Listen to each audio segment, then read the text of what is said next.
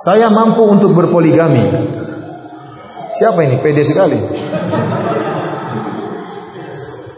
Tetapi istri pertama tidak terima. Apa yang harus saya lakukan Ustaz? Sabar.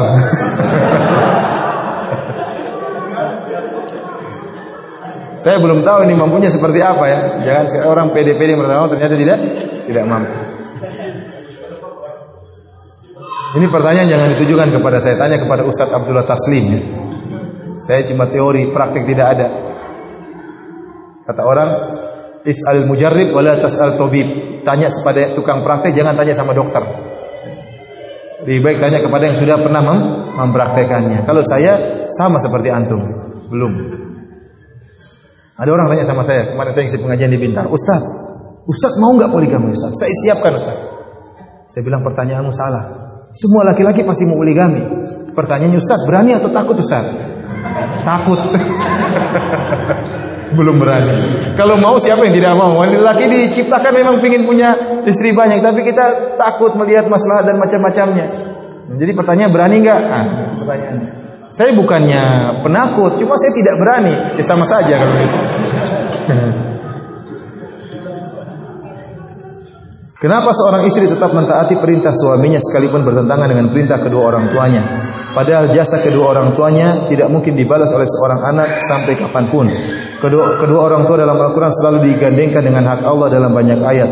Dan sedangkan suami tidak disebutkan jasanya apa eh, apa dan juga disandingkan dengan kedua orang tua istrinya. Uh, tentunya tidak semua perintah uh, suami harus ditaati. Saya katakan tadi terutama dalam masalah-masalah yang berkaitan dengan keluarga. Contohnya tadi, suaminya ingin pindah rumah. Orang tuanya tidak boleh, maka yang ditaati siapa? Suaminya. Ini berkaitan dengan apa masalah keluarga. Contohnya suaminya ingin menyekolahkan, menyekolahkan anaknya di sekolah tertentu. Orang tuanya bilang jangan sekolahkan di situ, tidak baik.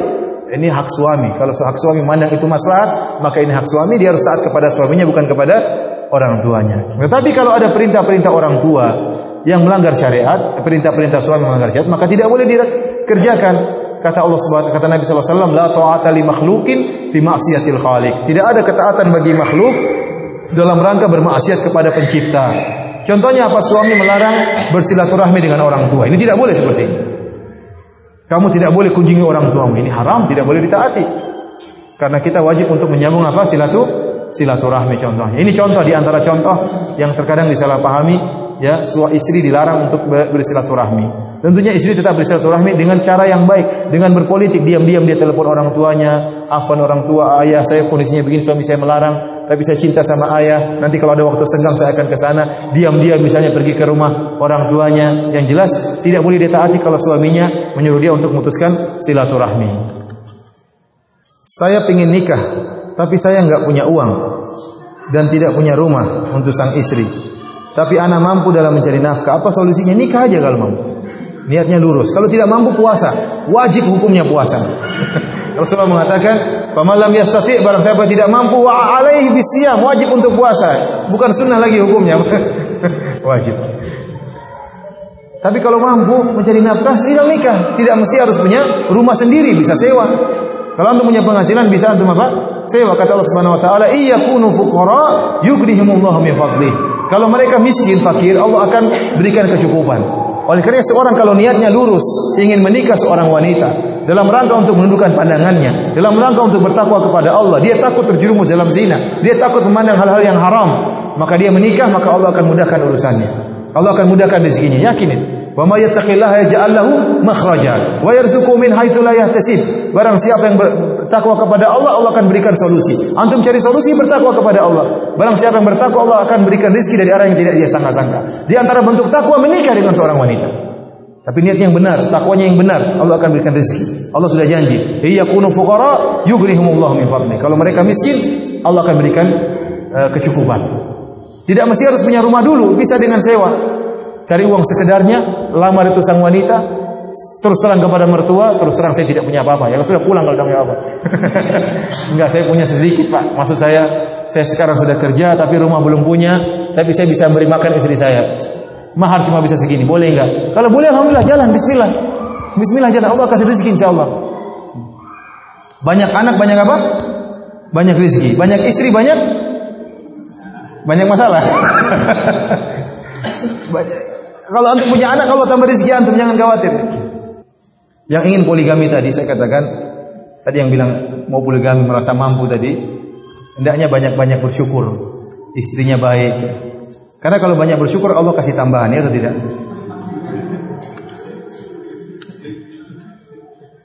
La in syakartum la azidana. Kalau kalian bersyukur Allah tam tambah. Kalau tidak bersyukur gimana mau dikasih tambahan?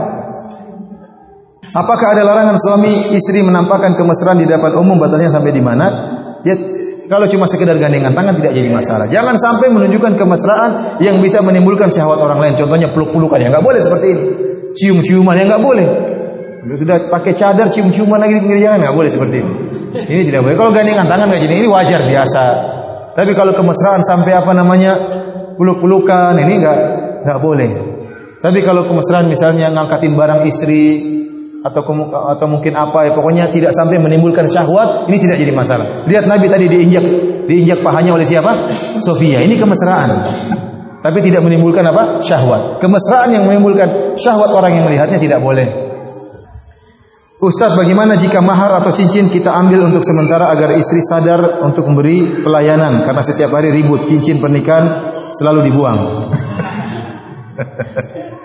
dibuang diambil dulu disimpan ya. Apa-apa kalau memang dibuang sampai istri diambil simpan. Ya. Disimpan. Udah, ceraikan aku, ceraikan aku ya. Istri seperti itu. Kalau kamu jantan, ceraikan aku. Saya bilang kalau kamu jantan maka jangan ceraikan. Kalau kamu betina ceraikan. Ya. Seorang lelaki yang jantan tidak mudah terprovokasi dengan kemarahan istrinya. Dia berpikir panjang. Istrinya bilang, kalau kamu berani, kalau kamu jantan, jangan antum ikuti itu. Antum pikir panjang anak bagaimana? Antum mau nikah lagi harus cari duit lagi setengah mati ngutang lagi sana sini. Repot, perkaranya panjang. Nah kalau istri antum menantang ceraikan saja, jangan antum ikuti. Jadi provokasi dan terperangkap dengan setan, antum juga jangan terprovokasi dengan dengan program setan. Ustaz, bagaimana ketentuan khulu dalam Islam? Ini saya sudah kemarin ceramah di Lombok khusus masalah khulu. Mudah-mudahan nanti akan ada YouTube-nya. Saya ceramah kemarin panjang lebar tentang masalah khulu dan hukum-hukum yang berkaitan dengan apa? Khulu. Insya Allah dalam waktu bulan depan sudah ada uh, apa YouTube-nya atau CD-nya, saya mau bicara ulang terlalu panjang. Bagaimana cara berbuat adil di antara dua istri? Di mana istri pertama punya dua anak dan istri kedua punya satu anak. Ya, kembali kepada kalau dua anak ya tetap aja bukan berarti 500 ribu 500 ribu tidak. Ya, 300 ribu 300 ribu sama. 300 ribu buat istri pertama, 300 ribu buat istri kedua. Anak dua 200 ribu 200 ribu berarti 400 ribu. Istri kedua cuma 200 ribu. Begitu caranya. Paham atau tidak? Saya tidak pernah praktek tapi. Cuma kira-kira begitu. Jadi yang buat istri-istri buat anak lain lagi. Buat anak lain lagi. Bukan 500 ribu, 500 ribu enggak. 300 buat istri pertama, 300 ribu buat istri. Kalau antum kaya 3 juta buat istri pertama, 3 juta buat istri kedua. Anak dua orang 2 juta 2 juta berarti 4 juta. Anak satu cuma 2 2 juta. Kalau miskin 30 ribu untuk istri pertama, 30 ribu buat istri kedua. Bagaimana mensikapi istri yang kasar dan suka membentak-bentak suaminya? Mohon penjelasannya secara singkat. Bagaimana seharusnya seorang istri terhadap suaminya?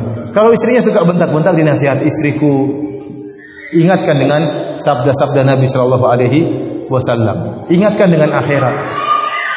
Ingatkan dengan dalil-dalil Nabi Shallallahu Alaihi Wasallam. Ingatnya kan pas kapan? Pas lagi diam-diam, lagi tenang, lagi bermesraan sebelum tidur istriku. Maaf ya, saya mau bicara dari hati ke hati. Mau, mau dengar nggak? Iya, bilang cepat segera. ah ini kayak gini nih. Bilang pelan-pelan istriku. Kan istri dulu sama suami. Gini gini gini ya pelan-pelan mudah-mudahan masuk di hatinya. Itu butuh kesabaran untuk merubah perangai seorang wanita. Oleh karenanya antum banyak berdoa kepada Allah Subhanahu wa taala meskipun istri antum misalnya modelnya seperti itu. Yakin ada banyak hikmah di balik musibah yang antum hadapi tersebut. Demikian saja ikhwani fillah assalamualaikum apa bisa sampaikan insyaallah kita lanjutkan nanti pada maghrib tentang akidah-akidah uh, kaum Syiah. Wallahu taala bisawab. Assalamualaikum warahmatullahi wabarakatuh.